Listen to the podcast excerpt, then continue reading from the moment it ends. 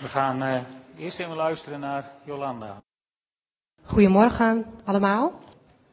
Um, voor de mensen die mij nog niet kennen, ik ben Jolanda Schrijber, 32 jaar. En ik ben 32 jaar geleden geboren in Libanon. Beirut ligt boven Israël. En ja, zojuist zongen we het lied uh, Waar zou ik gaan zonder uh, God? En ja, eigenlijk kan ik daar meteen van getuigen dat ik er eigenlijk niet mocht zijn. Mijn moeder is een ongetrouwde vrouw geweest. En uh, hier in Nederland was het in de jaren 60 zo, maar ook zeker later. En ja, ook in Beirut dat je dus niet, uh, als je niet getrouwd was, ja, dan was je, mocht je er niet zijn en moest je of geadopteerd worden of misschien nog erger. Ja, je mocht gewoon niet zijn. En uh, God heeft er dus voor gezorgd dat ik door twee lieve ouders in Nederland ja, mocht opgevoed worden en dat ik wel mag leven. In Libanon heb ik in verschillende ziekenhuizen gelegen. En um, daar zijn verschillende van gebombardeerd. Daar heb ik ook een litteken van op mijn lichaam. Dus dat is al het tweede wonder dat God mij daarvan gespaard en gered heeft. En uh, toen ik in Nederland met mijn ouders aankwam, was ik ook heel ziek. Heb ik twee weken in Nederland in het ziekenhuis gelegen. Dus dat was al de derde keer toen ik heel klein was dat God mijn leven gespaard heeft. Dus uh, dat vind ik wel een hele mooie opening van mijn getuigenis. Ik ben uh, in augustus van afgelopen jaar ben ik met mijn schoonmoeder naar mijn geboorteland voor de eerste keer teruggegaan. En uh, ja, we hebben daar zoveel wonderen beleefd. Ik wil u dat uh, zo graag ja, niet van onthouden en daarom heb ik een getuigenis gemaakt. Ik heb met Willem overlegd en het is op papier gezet, omdat ik anders waarschijnlijk zoveel ga vertellen dat, nou, het kan gewoon niet. Dus vandaar dat ik maar ja, geprobeerd heb de mooiste getuigenissen eruit te pakken. En ik begin met Psalm 18, vers 29 tot 31. U bent het die mijn lamp doet schijnen. U, Heer, mijn God, verlicht mijn duisternis. Met u storm ik af op een legerbende. Met mijn God beklim ik de hoogste muur. Gods weg is volmaakt. Het woord van de Heer is zuiver. Een schild is hij voor allen die bij hem schuilen. En in dit vertrouwen ging ik afgelopen zomer met mijn schoonmoeder voor het eerst terug naar mijn geboorteland Libanon. Ik ben zo dankbaar voor hoe God alles heeft geleid. Ik wil graag getuigen van deze onvergetelijke reis tot eer en glorie van de Heer. De reis verliep zonder problemen en was heel ontspannen. Mem genoot ook zichtbaar en we hadden veel vermaak onderweg. En hierdoor vloog de tijd letterlijk om. En toen we aankwamen bij het vliegveld van Beirut, werd ik vervuld met trots. Ik zag op de vliegtuigen de zederboom staan. Nu gaat de rode loper uit, dacht ik nog. Ik kom terug en ik verwachtte een warm welkom. Allereerst waren onze koffers er niet. Ik begreep er niets van. We hadden juist gebeden voor onze koffers en papieren. Achteraf was dit een zegen, aangezien we werden meegenomen door een tasjesdief in plaats van een taxichauffeur. Hij reed een dodemansrit door de straten van Beirut. Geen seconde was ik bang. Ik wist dat de hand van God met mij was. Dit was een belofte die ik meekreeg uit Libanon bij mijn adoptie. Hoe zal het verder gaan met dit kind? Want de machtige hand van God beschermde hem. Dat staat in Lucas 1, vers 66b. Mem en ik hebben gebeden voor onze koffers. Een Amerikaanse vrouw die wij later troffen, had er slapeloze nachten van en een peperdure telefoonrekening, aangezien ze twee dagen met de vliegmaatschappij gebeld had over de koffers. Wij kregen ook twee dagen later de koffers terug naar heerlijk te hebben geslapen en al ons beltegoed over. Eenzelfde situatie en twee verschillende reacties hierop. Het was zo bijzonder om te lopen in het land waar ik geboren ben en niet op te vallen door je huidskleur. Ik had alleen niet verwacht dat de mensen tegen me aan zouden kijken als een toerist. Mem en ik werden een paar keer op een vervelende manier hiermee geconfronteerd in een paar winkels. Ze probeerden ons uh, meer te laten betalen dan het daadwerkelijke bedrag. Maar omdat wij de tasjes die al hadden ontmoet, waren we enorm waakzaam en doorzagen de plannen van de verkoopsters. Toen we in gesprek kwamen met een antiquair en zijn zoon, legde zij me uit waarom ik er niet als een echte Libanees uitzag. Hij zag in mijn ogen respect voor mijzelf en mijn medemens. Dit was niet gewoon voor de vrouwen daar. En inderdaad, toen ik daarop ging letten, zag ik veel lege blikken in de ogen van de vrouwen daar, als ze je al aankeken. Na één dag op alle vrouwen te hebben gelet, in ieders gezicht probeerde een herkenning te vinden, was ik er al klaar mee. God liet me merken dat ik ontspannen kon zijn en wanneer ik mijn moeder tegen zou komen, hij dit aan me zou laten weten. Op de vierde dag waren we er, dat we er waren, zag ik een vrouw lopen, waarvan ik dacht dat zij, gezien haar uiterlijk, mijn moeder zou kunnen zijn. Mem en ik zaten net een heerlijk kopje koffie te drinken op ons favoriete plekje. Ook Mem zag deze vrouw en zag veel gelijkenissen met mij. We baden allebei tot God, zonder dit van elkaar te weten. Dat wanneer dit mijn moeder was, ze naar ons terug zou komen en bij alle drie zouden weten dat dit niet zomaar een ontmoeting was. Terwijl ik de vrouw nakijk en tot God bad, draaide deze vrouw zich om. En ik hield mijn adem in en keek uit naar wat ze zou doen. Ze liep echter niet naar mij toe, maar de straat in die omhoog liep. Heer, vroeg ik, moet ik achter haar aanlopen? Ik voelde echter onvrede in mijn hart en bleef zitten. Ik wist dat ze het niet was en bleef zitten. Ook Mem had achteraf hetzelfde aan God gevraagd en ook vrede in haar hart dat we bleven zitten. Dit vind ik een groot wonder, omdat ik besef dat God het op deze manier zou kunnen doen. Woensdagavond op ons hotelkamer spraken Mem en ik over de week en de vele wonders die we hadden beleefd. Onder andere over de gebeurtenis met deze Libanese vrouw. We besloten de volgende dag een tv-station op te zoeken en de foto's mee te nemen die Wilkom op het hart gedrukt had mee te nemen. Mem gaf mij een tekst, Jesaja 45 vers 2b. Ik zal bronzen deuren verbrijzelen, ijs en grendel stuk breken. Wij wisten toen allebei in ons hart dat mijn verhaal bekend zou worden gemaakt. De donderdags gingen wij op pad en we kwamen erachter waarom God ons in dit hotel had laten verblijven, aangezien het niet alle luxe had, en dat is een understatement. Alles waar we wilden zijn, onder andere het Amerikaanse ziekenhuis, waar ik ook geweest ben als baby voor een check-up, en het tv-gebouw, was allemaal op zo'n 10 minuten loopafstand. De zoektocht en de medewerking verliep vlot en prettig, en we werden door de producers en andere medewerkers met open armen ontvangen. Voor de vrijdag werd de hele agenda omgegooid en kreeg ik alle ruimte om met de crew op pad te gaan. We gingen in gesprek met de buren van de burgemeester, die destijds een handtekening onder de papieren had gezet. Hij was inmiddels overleden en dus spraken we met zijn buren.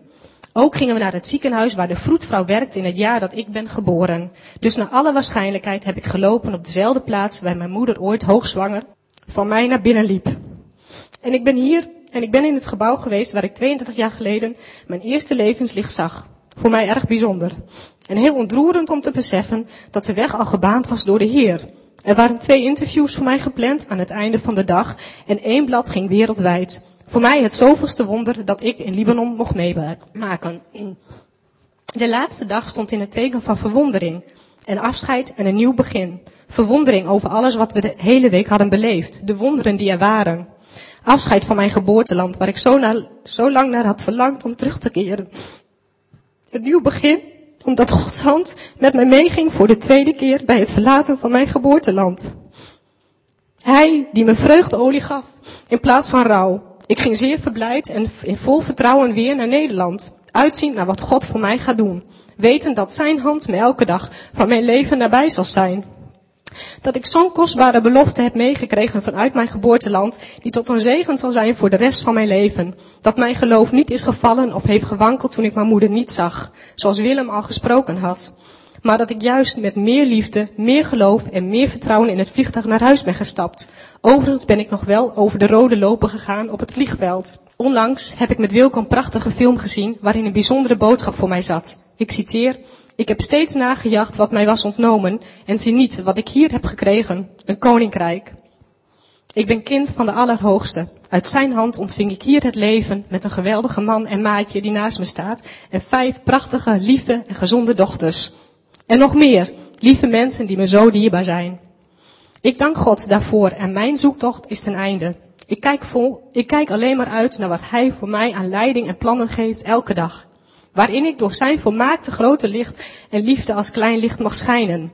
Ook al is er storm of zijn de dagen donker, het is maar net hoe ik ermee omga. Het zijn niet de omstandigheden die mijn leven bepalen, maar ik bepaal en kies hoe ik met omstandigheden omga. En dan bedenk ik dat ik de eerste keer in Nederland aankwam op 11 november, de dag van het geven en het licht. Mijn Libanese naam is Noor en dat betekent licht. En zo wil ik door Gods liefde een licht zijn in deze wereld.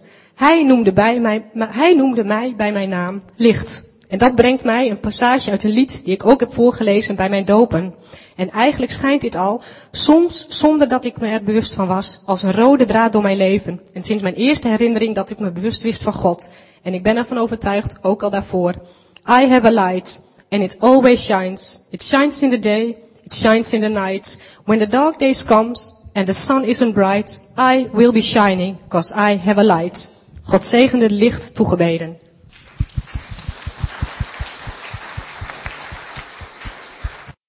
I will be shining, for I have a light. Ik hoop dat u dat met uw hele hart hebt kunnen zingen. vanmorgen. Ik wil er ook iets met u over lezen uit Matthäus 4. En uit Jesaja 9, als u twee dingen tegelijk kunt opzoeken. Matthäus 4, vers 13 tot 17. Het gaat over de Heer Jezus. Hij liet Nazareth achter zich en ging wonen in Capernaum aan het meer van Galilea, in het gebied van Zebulon en Naphtali. Zo ging in vervulling wat gezegd is door de profeet Jesaja. Land van Zebulon en Naphtali, gebied aan de weg naar de zee en aan de overkant van de Jordaan, Galilea van de heidenen, luister. Het volk dat in duisternis leefde, zag een schitterend licht. En zij die woonden in de schaduw van de dood, werden door het licht beschenen. Vanaf dat moment begon Jezus zijn verkondiging. Kom tot inkeer, zei hij, want het koninkrijk van de hemel is nabij.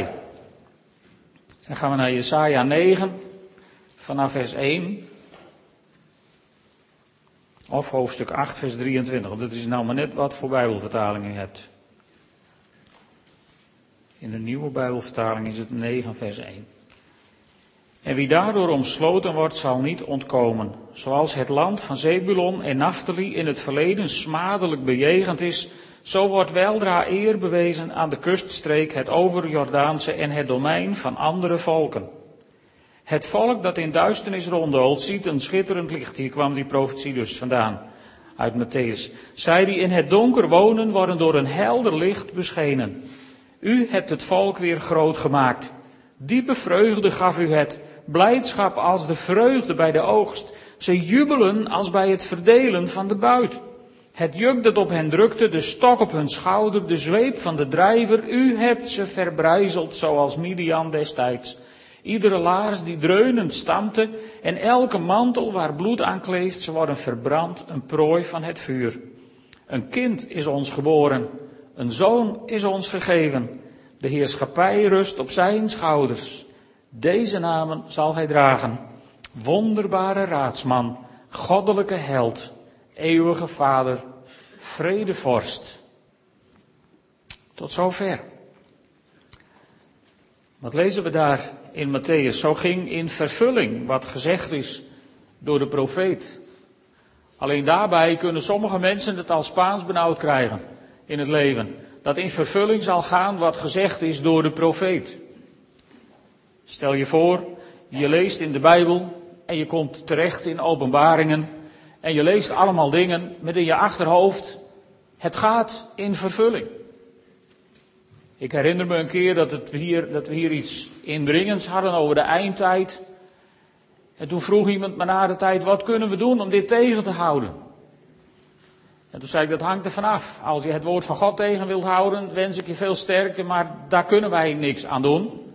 Wij zullen ons erop moeten voorbereiden om door bepaalde dingen heen te komen. Want wat God van plan is met deze schepping, gaat gewoon gebeuren.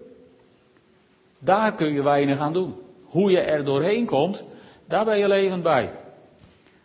En zo is het ook met dit. Hoe lees je profetieën over de eindtijd? Wat voor gevoel komt er in uw hart? Help of hoera? Ik herinner me een verhaal wat Leo Wessels vertelde vorig jaar, volgens mij toen we met de Bijbelstudies begonnen. Over twee mannen. Een theoloog die openbaringen las en erdoor in verwarring was en ontzettend bezig was met hoe dat dan allemaal wel niet zou gaan en hoe de wereld dat aan zou moeten kunnen. En toen hij s'avonds zijn, zijn kantoor verliet, zat de conciërge in zijn Bijbeltje te lezen met zo'n smile. En hij vroeg aan die eenvoudige man, wat zit je te lezen? Nou, zei die conciërge, openbaringen. Oh, oh, zei hij. En, waarom lach je daar dan zo blij bij? Nou, zei die eenvoudige man, ik heb het boek gelezen en Jezus wint. En die is er bij mij heel diep ingegrift. Zo kun je ook lezen over profetieën over de eindtijd. Jezus wint. Aan het eind van het boek is er maar één grote zegevierder, Jezus Christus. En wij met hem. Nou, is dat goed nieuws of is dat goed nieuws? Dat wil je toch wel horen, of niet? Dat wil je ook wel blij om zijn. Dus waarom zouden we moeilijk doen over, over het vervullen van de Bijbelse profetieën? Wat God met ons voor heeft, is het goede, het welgevallige en het volkomene, of niet? Zo staat het in mijn Bijbel.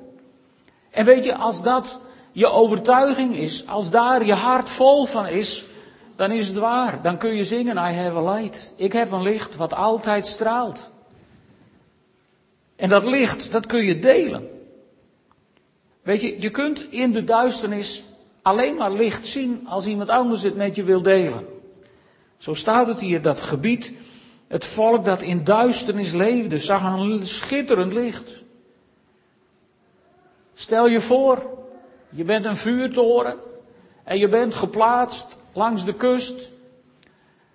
En je denkt, ik schaam me zo, want ze zien me allemaal. Weet je wat, ik doe een capuchon goed over mijn licht, zodat ze me niet zien. Dan wordt het een chaos op zee. Tenminste, twintig jaar geleden zou het dan een chaos worden op zee. Tegenwoordig met onze GPS denken wij allemaal dat we het met alternatieve middelen wel redden. Tot de techniek ons in de steek laat. Hè? Want wij zijn zo afhankelijk geworden van de techniek, dat als er één heel klein pieterputterig transformatorhuisje opbrandt, moeten we een heel ziekenhuis evacueren. Zoals gisteravond in Amersfoort.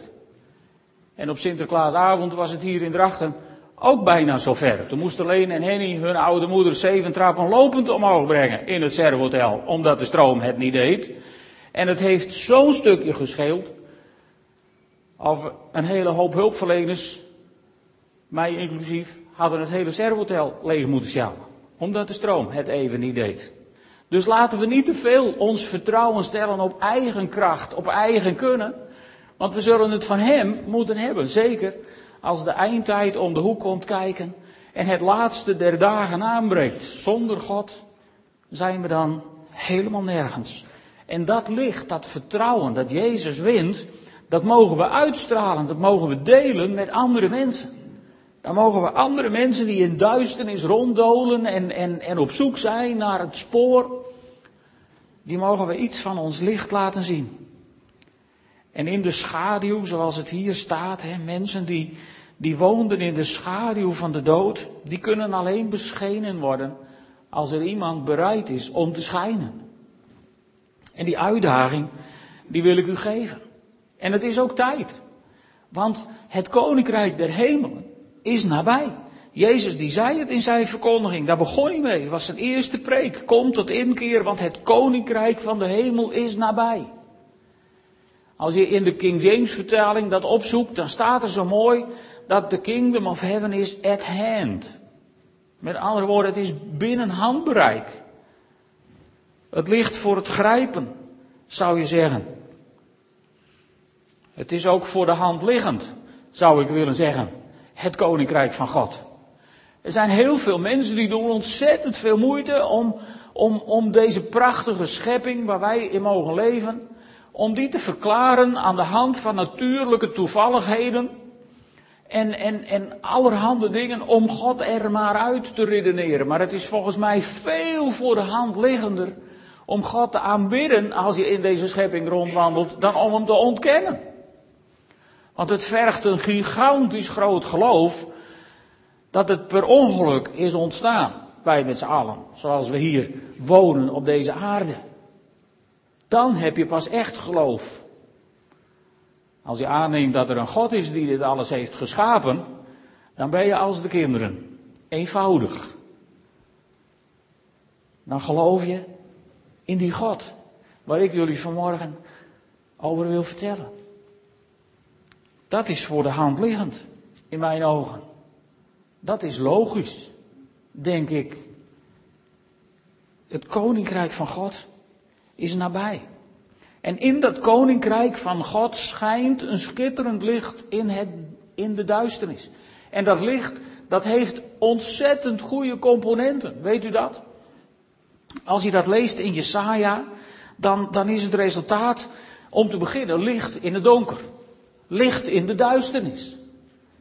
Een ander resultaat is dat er vreugde is en blijdschap. Want wat stond er? blijdschap als de vreugde bij de oogst. Zij jubelen als bij het verdelen van de buit. Met andere woorden, als je dat goed leest, er was geen buit. Er was ook geen oogst. Maar de blijdschap die erbij hoort en de vreugde, die waren er wel.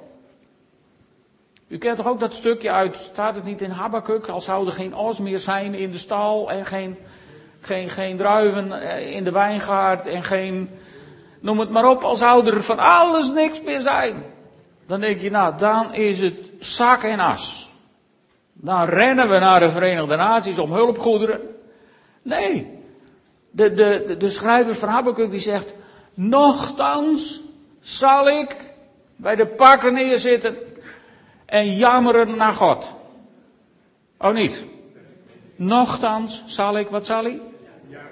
Zal ik juichen voor de Heer. Nou, dan zijn er twee opties. Of je bent gek, of je bent gelovig. Meer smaken hebben we niet. Ik bedoel, als je er zo bij zit en je juicht in de Heer, dan deug je niet. Of je hebt begrepen dat Jezus wint. En als je dat hebt begrepen, lieve vrienden, dan zijn de omstandigheden, die zijn altijd tot bijzaak verworden. Waarmee ik ze niet wil bagatelliseren, want die omstandigheden kunnen heel vervelend zijn. En sommige mensen, die, die, die lopen soms aan een heel zwaar eind van de balk die ze in het leven hebben te dragen. Maar nochtans, zegt het woord van God, zal ik juichen in de Heer. En, en als hij dat kon zeggen, dan kunnen wij dat ook zeggen. Want we zijn vervuld met diezelfde geest van God. Dan kunnen we dat. En dat is genade, dat heet genade, dat is de kracht van God waarmee wij in dit leven mogen staan. En het resultaat gaat nog verder. De juk en het juk en de zweep worden verbrijzeld. Met andere woorden, mensen die onder een juk gebukt gaan, onder een juk afkomstig uit het rijk van de duisternis, mensen die door de Satan worden belaagd, die worden bevrijd. Want het juk wordt verbrijzeld en de zweep wordt verbrijzeld. En het gaat nog verder. De laars die stampte, dreunend stampte en de mantel in bloed gedrenkt worden met vuur verteerd. Kun je je voorstellen wat voor associaties bijvoorbeeld Joodse mensen daarmee hebben die de Tweede Wereldoorlog nog hebben meegemaakt? Wat een overwinning dat de laars die dreunend stampte door vuur werd verteerd. En, en, en wat, een, wat een vooruitzicht voor onze broeders en zusters, bijvoorbeeld in een land als Noord-Korea, waar de laars nog steeds dreunend stampt en onheil betekent voor onze broeders en zusters die geloven in Jezus Christus. Ook daarvan zegt het woord van God, de laars die dreunend stampt, wordt verteerd en de mantel in bloed gedrenkt wordt verteerd. Het is nog niet zo ver voor veel van onze vervolgde medechristenen. Maar ik geloof dat dit een van de vooruitzichten is waar ze hun kracht uitputten om de weg te gaan die ze moeten gaan. Dat is het resultaat van het koninkrijk van God, dat voor de hand, bij de hand ligt, of onder handbereik ligt. En dat alles door één kind. Door één kind. Een kind is ons geboren, een zoon is ons gegeven. Eén kind. Eén kind. Wat de geschiedenis van deze aarde zo ingrijpend heeft beïnvloed. Dat de hele jaartelling van het universum in twee stukken is gehakt. Voor dit kind en na dit kind. Nou, dat kan niemand in de geschiedenis hem nazeggen, of wel? En in dat kind mogen wij geloven. Aan dat kind mogen wij ons leven toevertrouwen. Laat ze van de week een zin in een dagboekje en die bleef even bij me hangen. Het ging over de, de wijzen uit het oosten. Dat ze Jezus vonden, de ster volgden en bij dat huisje kwamen waar Jezus woonde met zijn ouders. En dat ze naar binnen gingen en in aanbidding voor hem neervielen. En de schrijver van het dagboekje die schreef één zin, genoeg om een week over na te denken. Het eerste dat wijze mensen in de aanwezigheid van Jezus doen, is aanbidden. Ze feliciteren zichzelf niet dat ze hem hebben gevonden. Ze stellen geen vragen. doen geen pogingen iets van hem te krijgen, maar bieden zichzelf daarentegen aan hem aan. Mooi hè? Als je Jezus ontmoet, als je echt Jezus ontmoet, is er maar één ding in je hart. Hem aanbidden. Want al je noden, die kent hij al lang. Eer u roept, zal ik antwoorden. Ja toch? Hij weet het allemaal al lang. Wij hoeven God niet altijd hele lijsten voor te houden van wat er allemaal aan mankeert. Als je Jezus ontmoet en het begint met aanbidding, dan is er één overtuiging in je leven gekomen. Jezus wint. Jezus wint, hoe je omstandigheden ook zijn. Jezus wint. Jezus wint. Altijd, in alle omstandigheden. En als je dat hebt, lieve mensen, dan kun je dit zeggen. I have a light. Dan kun je met dit lied meezingen. Ik heb een licht dat altijd straalt. Het straalt overdag en het straalt in de nacht. Als de donkere dagen komen en de zon niet helder schijnt, zal ik stralen. Want ik heb een licht. Wat voor licht heb je dan? En hoe kom je aan dat licht? Ik wil met jullie naar Marcus 12. Tekst die we vorige week ook hebben gelezen. En waar we die week daarvoor ook al bij stil hebben gestaan. Marcus 12, vers 29 tot 33.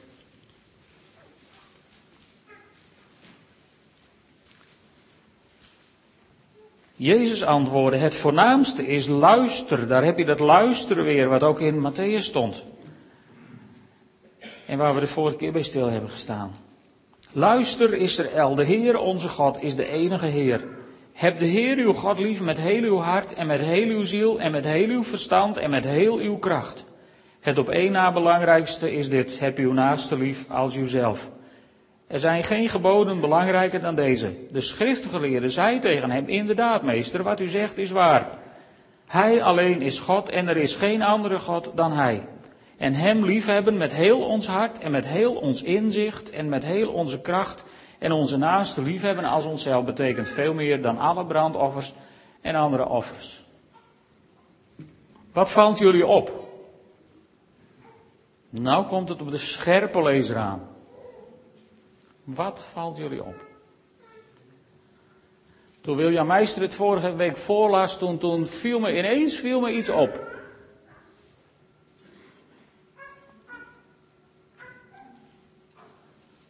Er zit namelijk iets heel subtiels in, de nieuwe Bijbelvertaling. En vorige week dacht ik, goh, dat hebben ze vreemd gedaan. Maar dan ga je in de studiebijbel eens op zoek naar, naar de Griekse tekst. En dan kijk je eens in andere vertalingen. En dan is er iets heel aparts in dit Bijbelvers. En daar wil ik toch vanochtend even aandacht met jullie aan besteden. Wat zegt Jezus tegen de Fariseeër? Wat is het eerste gebod? Gij zult de Heere uw God lief hebben met heel je hart, heel je verstand, heel je ziel en al je kracht. En jullie zijn van de Statenvertaling en van de NBG gewend dat de Fariseer als antwoord geeft: Heer, u hebt gelijk. Het is belangrijk om de Heer lief te hebben met heel je hart, heel je verstand, heel je ziel en al je kracht. Zo staat het in de Statenvertaling. Zo staat het ook in de NBG-vertaling. En wat staat er in de Nieuwe Bijbelvertaling? Daar staat niet met heel je verstand, maar met heel je begrip. Met al je inzicht. In de Naardense Bijbel staat met heel je begrip. Nou, dan ga je terug naar hele oude vertalingen en dan kom je in de alleroudste terecht, zeg maar, zo'n beetje, die ik tenminste kan lezen, de King James Version. En wat staat daar? Je moet God lief hebben hè, met heel je hart, met heel je verstand. Daar staat with all your mind. En dan die andere dingen. En wat staat er in het antwoord van de Farizeeërs? De mensen van de King James vertaling hadden het goed door. Daar staat dat je de Heere God moet lief hebben met heel je hart. En dan with all your understanding. Dan gaat het ineens niet meer over je mind. In het Grieks zijn het twee verschillende woorden. Jezus gebruikt een ander woord dan de Fariseer. En, en, en daar ben ik van de week mee bezig geweest. En toen, toen dacht ik, wat, wat trappen wij vaak in die valkuil. Wij willen God vaak heel graag lief hebben met al ons inzicht, met al ons begrip, met wat wij begrijpen. Maar dat staat niet in de wet. Daar staat dat we God lief moeten hebben met heel ons hart, met heel ons verstand, met heel onze ziel en met al onze kracht. Of we het nu begrijpen of niet. Snap je het verschil? En dat is in een heel aantal Bijbelvertalingen is het netjes weggewerkt door de fariseeën precies hetzelfde te laten zeggen als Jezus, maar hij zegt het niet. Want wat was het grote probleem van de schriftgeleerden? Waarom nagelden ze uiteindelijk onze Messias aan het kruis? Omdat Jezus niet voldeed aan hun begrip. Ze hadden Jezus niet lief met heel hun verstand. Ze hadden God lief met heel hun begrip. En wat zij meenden te begrijpen, zou er een Messias moeten komen met veel machtsvertoon om de Romeinen het land uit te slaan. Dat was hun begrip, wat ze begrepen. En Jezus voldeed er niet aan en daarom moest hij dood. Maken wij niet vaak dezelfde fouten? Als je toch in de kerkgeschiedenis kijkt naar heel veel kerkscheuringen, dan ging het toch altijd om het verschillend begrijpen van sommige dingen uit de Bijbel. Wat zijn we vaak gestruikeld als volk van God over ons begrip? Over ons inzicht. Steun op eigen inzicht niet, zegt de Bijbel notabene nog. En wat heeft het wat aangericht? En wat een subtiel verschil. Hoe kom je aan dat licht? Je komt aan dat licht door niet te steunen op je eigen begrip, maar God lief te hebben met heel je hart, met heel je verstand, of je het nu begrijpt of niet, met heel je ziel, of je ziel het nu snapt of niet, en met al je kracht, of je kracht het er nu mee eens is of niet. Dat is wat Jezus zegt, met alles. Alles. En als je God lief hebt met alles, wat blijft er dan over voor iemand anders? 0,0 niks. En als je God lief hebt met wat je begrijpt, blijft er altijd een restje over voor de tegenstander van God. En die gaat daarmee aan de haal en die rommelt daarin om en die doet daar wat naars mee. Zo is het in de hele kerkgeschiedenis geweest. En, en er zit in dat antwoord van die fariseeën nog, nog een heel subtiel verschilletje. In het Grieks scheelt er net één letter. Het is ook maar heel klein, heel pietpeuterig. En als je erover nadenkt, denk je, ja, waar maak je je druk over? Nou, dat mogen jullie zelf bepalen, waar je je druk over maakt. Wat staat er? Jezus zegt, je zult jouw naaste lief hebben als jezelf. Zijn we dat eens? En wat antwoordt de fariseer? De fariseer, als hij in de meeste vertalingen het naast elkaar legt, dan zegt de fariseer, even in het Nederlands, men moet zijn naaste lief hebben als zichzelf. Nou weet ik niet of jullie het verschil proeven, maar als je iemand persoonlijk ergens voor verantwoordelijk maakt, en zegt van, jij bent verantwoordelijk om jouw naaste lief te hebben als jouzelf. En het antwoord is, ja, men moet zijn naaste lief hebben als zichzelf. Dan wordt het veralgemeniseerd. En, en dan, dan kun je het nog wel iets, iets anders formuleren misschien. Want wat, wat bedoelt die fariseer? Die fariseer bedoelt volgens mij, eigenlijk moesten we onze naaste lief hebben als zichzelf. Om het nog platter te zeggen, zegt die fariseer niet dat ik het van plan ben, maar eigenlijk zou ik mijn naaste lief hebben moeten als mezelf. Jezus is heel persoonlijk. Heel persoonlijk. Als het over je naaste gaat, zegt Jezus, lieve vriend, lieve vriendin, jij moet jouw naaste lief hebben als jezelf. En ik hoef jou niet uit te leggen wie jouw naaste is, dat weet je heel goed. En de fariseer zegt, ja, men zou zijn naaste eigenlijk wel lief moeten hebben. Vervolgens deden de fariseeën het niet. Maar daar wil ik het vandaag niet over hebben. Hoe kom je nou aan dat licht? Door, door het gebod van Jezus heel letterlijk te nemen. God liefhebben met heel je hart, met al je verstand, met heel je ziel en met al je kracht en jouw naaste die jij tegenkomt in het leven als jouzelf. Zo kom je aan het licht. Want dan is er iets in je wat mensen aan je zien. Ik had het voorrecht dat ik het getuigenis van Jolanda van tevoren mocht lezen. En, en daar is zo'n zinnetje, dat heb ik even, even aangemerkt over die antiquair. Hij zag in mijn ogen respect voor mezelf en mijn medemens. En toen dacht ik, dat ga ik, dat ga ik de mensen vragen zondag. Dan heb ik het eerst mezelf gevraagd voor de spiegel, want anders durf ik dat niet eens. Maar wat zien de mensen in jouw ogen als ze je tegenkomen? Wat zien de mensen in jouw ogen? Wat zouden ze gezien hebben in de ogen van die fariseer? Licht, volgens mij zagen ze in de ogen van die fariseer alleen maar veroordeling en aanwijzing en kritiek.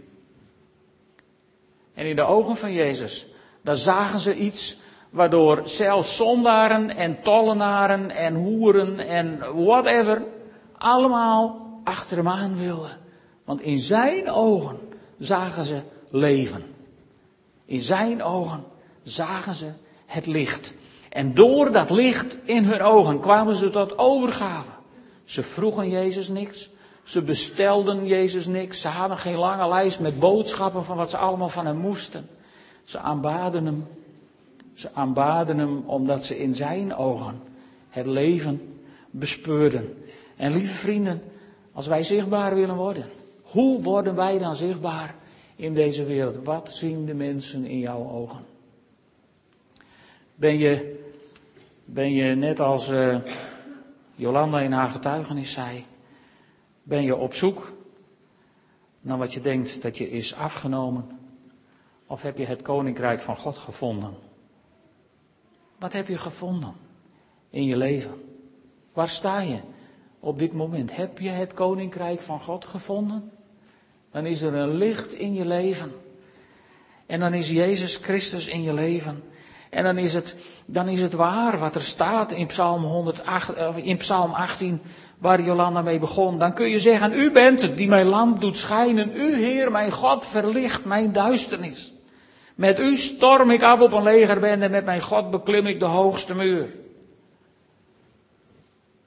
Vroeger in de Philadelphia gemeente hadden we een oude broeder, Abenauta, de paken van, van, van uh, Egbert en van, uh, van Hilbrand. Van Erwin en Hilbrand. En wat zei paken altijd? Met mijn God storm ik af op een legerbende, met mijn God spring ik over een muur. Dat heb ik hem zo vaak horen zeggen. En soms dachten we toen dat hij dat zei te pas en te onpas. Maar het was nooit te onpas. Want deze oude broeder, die ook het nodig in zijn leven had meegemaakt, die riep dat in alle omstandigheden. Hij, riep het als, hij riep het als de zon scheen, maar hij riep het ook als de zon niet scheen. Hij sprak het uit in geloof als de lucht stralend was. En hij sprak het uit in geloof als de omstandigheden waren om te janken. Het was zijn lijfspreuk. Met mijn God spring ik over een muur. En hij is over meer muren gesprongen dan velen van ons. Want het werkte. Er is een licht. Er is een licht dat in ons wil wonen. En als het in ons woont, dan komt het onweerstaanbaar naar buiten. En dat is ook het antwoord van Don Potter in dat prachtige lied wat wij hebben gezongen. Mijn licht is de Heer. Jezus is zijn naam. Mijn licht is de geest die mij doet veranderen. Mijn licht is de Vader die zijn zoon gaf. Mijn licht is de hoop om bij hem te zijn in een hemelse woning. Ik heb een licht dat altijd straalt. Het straalt overdag en het straalt in de nacht. Als de donkere dagen komen en de zon niet helder schijnt, zal ik stralen, want ik heb een licht. Halleluja. Zullen we gaan staan en samen bidden? Vader in de hemel, dank u wel dat u in ons woont. Dat u uw geest aan ons hebt gegeven. En dat er een licht in ons is, Heer. En, en vergeef ons die keren dat we dat licht onder de korenmaat hebben gezet. Vergeef het ons, Heer, die keren dat we dat licht hebben verstopt en ik bid u, o God, geef ons de genade dat we, dat we zo helder mogen gaan stralen vanaf, vanaf vandaag Dat mensen die ons tegenkomen, mensen die in drachten in het duister ronddolen of wandelen in de schaduw van de dood, Heere God, dat ze in ons een licht mogen zien. Een licht wat ze tot leven verleidt. Een licht wat mensen aan zal sporen om uw aangezicht te zoeken en bij u te komen. Heere God, u bent ons licht. En u zult altijd stralen, overdag en in de nacht. U zult altijd stralen, ook als de donkere dagen komen en de zon niet helder schijnt. En dankzij u mogen ook wij altijd stralen, want in u, mijn God, hebben wij het licht gevonden. Ik prijs uw naam daarvoor. Halleluja. Amen.